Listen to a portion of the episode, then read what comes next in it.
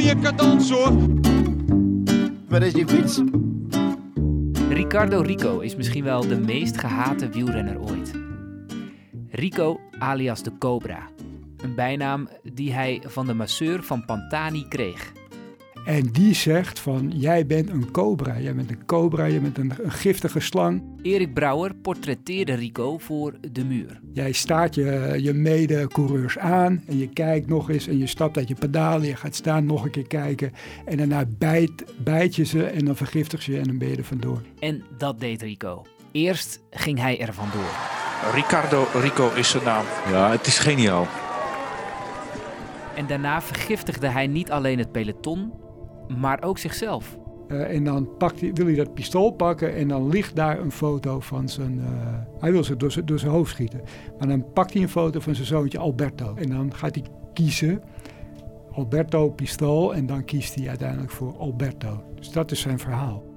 In deze Muur-podcast het verhaal van Rico. Verteld door Erik Brouwer. Het publiek maakt voor het eerst kennis met Rico in de Giro van 2007. Erik mag dat jaar voor de muur de Giro volgen. Ja, dat was echt een Italiaanse renner met die, met die bravoure en met die, uh, die streken en met die, uh, die grote mond en uh, waarschijnlijk een, een, een, hartje van goud ergens. maar daar waren heel veel mensen het niet mee eens. Heel veel renners waren het er niet mee eens. Dus het was, hij was de jongste bediende. Hij moest, ja. hij moest in dienst rijden van, van de grote Gilberto Simoni, die 37 was volgens mij. en eigenlijk had hij helemaal geen zin in die opdracht. Dus dat was al, meteen al mooi om te zien. Dus hij, hij was bijna niet te houden vanaf het begin. En dan werd hij de hele tijd teruggeroepen door Simoni, hele zagrijnige vent, uh, zoals ik dat zag. Ook mooi natuurlijk om te zien. Uh, maar Rico was bijna niet te houden. En Piepoli was zijn oudere teamgenoot. En die, uh, ja, die gingen bij, uh, die, die demareerde waar het maar kon. En dat was, dat was heel erg mooi. Alleen, alleen kon hem een beetje in toom houden, maar de ploegleider niet echt. En ja, hij daagde iedereen uit. Het is de tijd van het nieuwe wielrennen. Na een paar dopingschandalen krabbelt de wielersport op. De jonge Rico laat zich al in de vierde etappe zien met een tweede plaats achter favoriet Di Luca. Maar het sportjournaal van die avond opent met een oud dopingverhaal.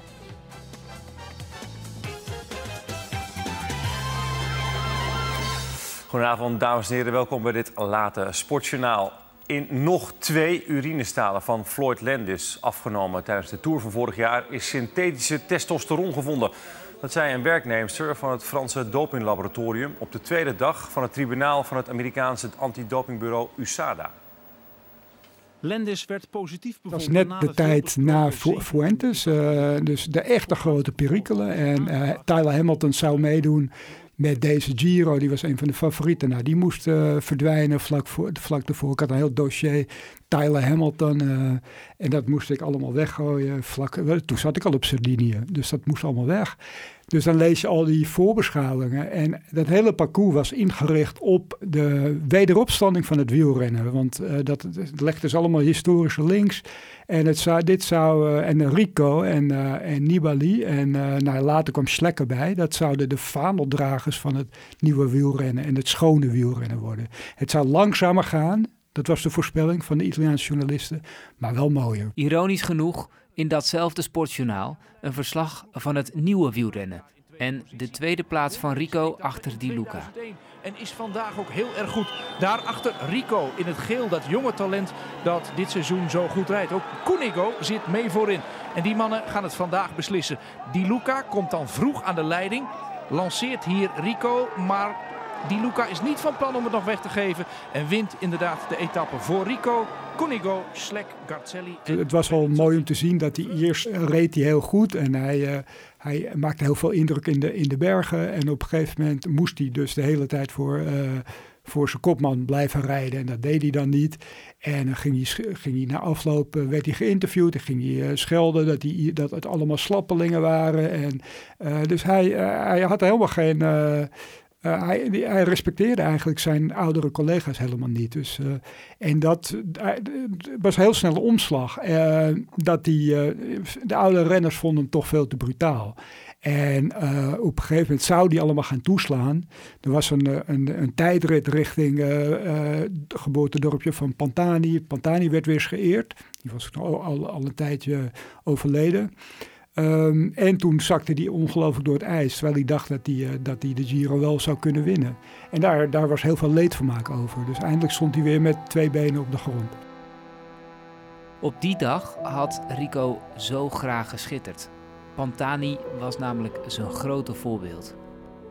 Hij keek met zijn vader altijd wielrennen uh, in, uh, in, in zijn geboortedorpje. En daar, toen zag je eerst de Berzin won toen de Giro en Pantani werd tweede. Dat was voor 24 Pantani. En toen was hij gek op uh, wielrennen en wilde hij ook Pantani worden. Maar niet wielrennen, maar Pantani. Dus hij, ging zich, hij wilde ook zo gaan rijden als Pantani. Had allemaal posters op de muur van Pantani. Hij kwam uit dezelfde streek, Pantani. Um, en uh, het was ook het lef van Pantani wat hem zo aansprak. Dus het demareren, demareren, overal demareren. Dat wilde Rico ook. En uh, hij was natuurlijk ook bereid om dat tot het uiterste gaan uit te voeren. Um, ja, en, ja, dat, en hij schreef inderdaad op een gegeven moment een brief. En dan kreeg ik een brief terug met een handtekening. En dat, uh, dat heeft hij ook altijd bewaard. dus Pantani is ook altijd wel zijn grote idool gebleven. Ja. En hij trainde ook op dezelfde routes. Hij, hij imiteerde hem echt, ja. En Pantani is indirect ook de reden dat Rico zich de Cobra gaat noemen. Hij, hij vertelt dan in zijn, in zijn, in zijn boek, hij heeft uh, een paar jaar, in 2017 heeft hij een boek laten schrijven met een Italiaanse journalist. En dan schrijft hij uh, dat hij werd gemasseerd door de masseur van Pantani. En die zegt van, jij bent een cobra, jij bent een cobra, je bent een, giftige slang. Jij staat je, je mede-coureurs aan en je kijkt nog eens en je stapt uit je pedalen. Je gaat staan, nog een keer kijken en daarna bijt, bijt je ze en dan vergiftig je en dan ben je er vandoor. Dat zei die uh, masseur, volgens, volgens uh, Rico zelf. En toen zei hij van, nou oké, ik, ga, ik, ga, ik word een cobra. Hij vergelijkt zich graag met Pantani. Uh, hij is zelf al omstreden. Nou, dat was Pantani ook. En daar wil hij nog mee koketteren ook. Rico maakt vooral naam in 2008. Eerst in de Giro en natuurlijk in die befaamde Tour. zeggen wat je zeggen wilt, maar dit is ik, ik, ik. Voor de tweede keer gewonnen. Ricardo Rico is zijn naam. Ja, het is geniaal.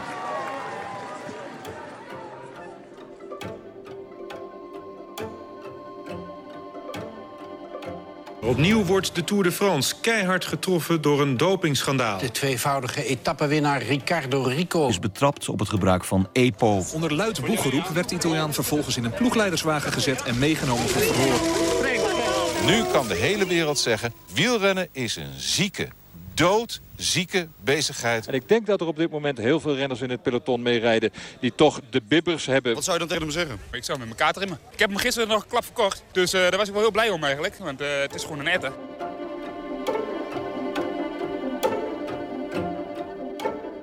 Um, hij, hij vindt dat hij er is ingeluisterd. En dat, hè, bij de Tour wisten ze dat natuurlijk allemaal. Al die journalisten die stonden daar. En die, die gendarmes die komen ook de bus in. Hij wordt echt als een, als een crimineel behandeld. Uh, daarna wordt hij in een cel gegooid uh, van drie bij drie. En hij beschrijft in zijn boek ook die, die cel.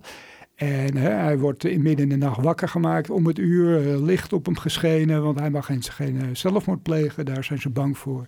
Dus hij moet echt berecht worden, hij wordt echt uh, vernederd. Hij, hij zegt het ook, hij slaapt op de grond als een hond, schrijft hij in zijn boek. Dus hij is heel boos, nog steeds heel boos over, die, over hoe hij is behandeld daar. En hij, ja, het, publiek, het, publiek is ook meteen heel scherp voor hem. Dus zijn niet alleen zijn, zijn, zijn medecoureurs, die zijn heel hard voor hem. Wat hij heel hypocriet vindt. Dus daar uh, ageert hij ook meteen al tegen. Uh, de Fransen schelden meteen uit. En de Italianen die, uh, die, die, ja, die willen nog een beetje geloven. Maar als hij thuis komt, hij wordt opgehaald in de Porsche die hij natuurlijk heeft gekocht. Door zijn, door zijn vriendin. En dan rijdt hij naar, naar zijn geboorteplek. En ook daar wordt hij uitgekotst. Dus hij is eigenlijk binnen de kortste keren is hij de grote paria. Rico maakt zichzelf nog minder geliefd als hij zijn dokter verlinkt. Klikken, dat doe je niet. En zeker niet in Italië. Ja, hij, hij werd, uh, hij werd uh, op een gegeven moment ondervraagd. En dan uh, noemt hij vrij snel eigenlijk de naam van zijn arts. En dan gaat hij ook nog zeggen van deze man eh, die heeft me beloofd dat ik niet zou worden betrapt. Dus ik krijg nog geld van hem eigenlijk. Dus hij, hij gaat weer meteen in de, in de, in de contra-aanval. En ehm, hij zoekt het weer helemaal niet bij zichzelf. Hij, hij, nou ja, dat is natuurlijk op zich ook wel weer mooi. Het is voor de verhalen natuurlijk allemaal hartstikke mooi. Dus ja, hij, uh, hij maakt zichzelf nog veel ongeliefder. Ja, of gehater eigenlijk. En dat uh, in zijn uh, later, ja, het is heel moeilijk voorstelbaar, omdat de Italiaanse, Italianen zo vergevingsgezind zijn voor dit soort paradijsvogel, want dat is hij natuurlijk ook wel een beetje. Dat, dat, dat, bij, dat hij dat niet heeft gehad. Rico hoopt met zijn bekentenis op een kortere schorsing, maar hij moet alsnog 20 maanden brommen. De Nederlandse ploeg Soleil durft het daarna aan om hem een contract aan te bieden. De meest gehate wielrenner is terug in het peloton. Wilfried de Jong van Hollandsport zoekt hem op. Ik liep de steile IJzerbosweg op. Op weg naar een afspraakje met Ricardo Rico. Het was geregeld door de manager. De omstreden renner was twee uur beschikbaar voor Hollandsport. Een charme-offensiefje. Boven was een bankje. Daar konden we samen van alles doornemen. Waarom hij voor een Nederlandse ploeg ging rijden, hoe het was om dopingzondaar te moeten zijn en waarom een groot deel van het peloton hem, op zijn zachtste zegt, niet zo zag zitten. Maar Rico had een heel ander plan voor de middag. Hij wilde alleen maar trainen. En geen interview buiten. Hij was bang om kou te vatten. Hij moest de dag erop nog een wedstrijd rijden. Dus duurde het gesprek maar kort.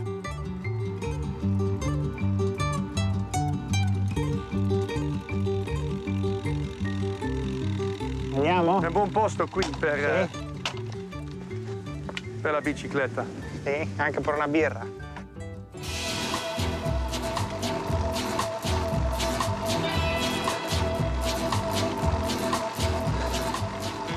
Na een rondje van 4 kilometer kwam Rico weer uit waar hij was begonnen. Bij de steile IJzerbosweg. Daar had hij geen zin in. Zo bleek. No, basta, oh. No, no, no, no, no, no. Ma vai in culo, va, Dio caro, basta. No, fanculo. Daarna trok hij ons microfoontje onder zijn shirt vandaan en gaf het aan de ploegleider. Daar ging Rico, trainend achter de auto. Geen zin in journalisten, geen zin in poespas. Hard fietsen kan die. Een dag later kwam hij een paar centimeter tekort om de sprint te winnen in de Grand Prix Wallonië. Hij zat op dat moment zonder, zonder dopingdokter. Eh, en hij, eh, hij heeft zo vaak bloedzakken voor zichzelf geprepareerd dat hij dat eh, zelf kon doen, dacht hij. En dat, dat heeft hij ook heel vaak gedaan. En die legde hij dan, ging hij naar het huis van zijn oma. En die wist dat kennelijk ook allemaal. En daar had hij een koelkast en daar lagen de bloedzakken in. Alleen die lagen veel te lang in die, eh, in die koelkast, dus daar zaten bacteriën in. Hij wordt heel erg ziek. Hij krijgt 43, er wordt gesproken van 43 graden koorts, longembolie. En zijn Vania, zijn, zijn toenmalige vriendin, eh, die eh, wil eigenlijk naar het ziekenhuis. Eh, want hij is echt doodziek. Hij staat op het punt om, om bewusteloos te gaan. Hij valt ook op een gegeven moment met zijn hoofd op de grond van, in het toilet. En dan brengt ze hem naar het ziekenhuis. Maar hij weet natuurlijk van... Als ik nu naar het ziekenhuis ga, is de kans heel groot dat het voor mij einde oefening is. Dus hij probeert heel lang probeert hij, eh, eh, te zeggen tegen zichzelf ook van dit is gewoon een hele zware griep. Terwijl hij heus wel weet dat het iets met het bloed te maken heeft. Nou ja, op een gegeven moment gaat hij dus naar het ziekenhuis en dan wordt hij gered. En dan, ehm, dan zegt die dokter dat hij eigenlijk dood had moeten zijn. Eh, en ja, hij, maakt toch, hij, hij, hij wordt toch ontslagen door de, uit het ziekenhuis en in een redelijk goede gezondheid. Alleen die dokter, die, die, gaat, die maakt het openbaar. Het is inderdaad waar. De wielerwereld is weer eens in rep en roer. Ricardo Rico, alias de Cobra, lijkt nu ook zijn laatste krediet te hebben verspeeld. Hedwig Zeedijk vanuit Italië, goedenavond. Goedenavond. Wat is er aan de hand met Rico? Ja, eh, hij voelde zich zaterdag na de training al niet goed. Hij had die koorts. eh, De Brabantse wielerploeg Vakant Soleil heeft de Italiaanse renner Riccardo Rico op staande voet ontslagen. De renner zou de ploegregels hebben overtreden. Twee weken geleden werd Rico met een koortsaanval in het ziekenhuis opgenomen. De Italiaan zei in een shocktoestand dat hij zichzelf bloed had toegediend. Dat is in strijd met de dopingregels.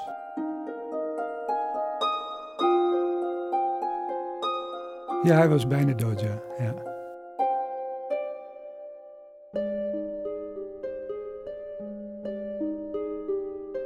Rico de Cobra vergiftigt zichzelf en krijgt nu 12 jaar schorsing.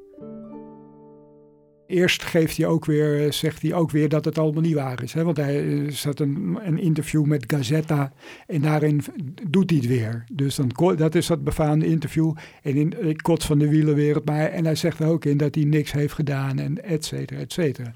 Dus het waren allemaal, uh, nou ja, je, je kent alle smoesjes wel. Um, en daarna gaat hij, uh, merkt hij toch wel dat hij niet zonder de fiets kan. Hij heeft natuurlijk ook niemand, want hij heeft geen, bijna geen vrienden.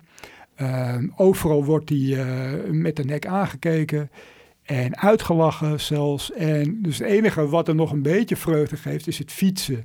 Maar hij mist natuurlijk de competitie. Want dat was wel wat, waar hij altijd uh, van heeft gehouden. Dus hij hield niet zo van het wielrennen, maar de competitie wel. Dus dat mist hij heel erg. En dan gaat hij uh, allemaal bergen beklimmen. Want een vriend zegt dat tegen hem van waarom ga je, je mag nog steeds. Uh, niemand zal je, zal je tegenhouden als je de Mont Ventoux gaat uh, beklimmen en dat opneemt met een, met, uh, met een stopwatch. En, en daarna de Zonkolan weer een keer gaat doen. En dan kijken hoe je tegen, qua tijden, tijden van de andere toprenners, hoe het daarmee staat. Nou, dat gaat hij dan doen. Rico traint alsof hij nog prof is en rijdt de Van Toe binnen het uur op. Maar plots komt ook het besef van de nutteloosheid binnen. Niemand zit nog op Rico te wachten. Op de top van de Van Toe klinkt alleen stilte.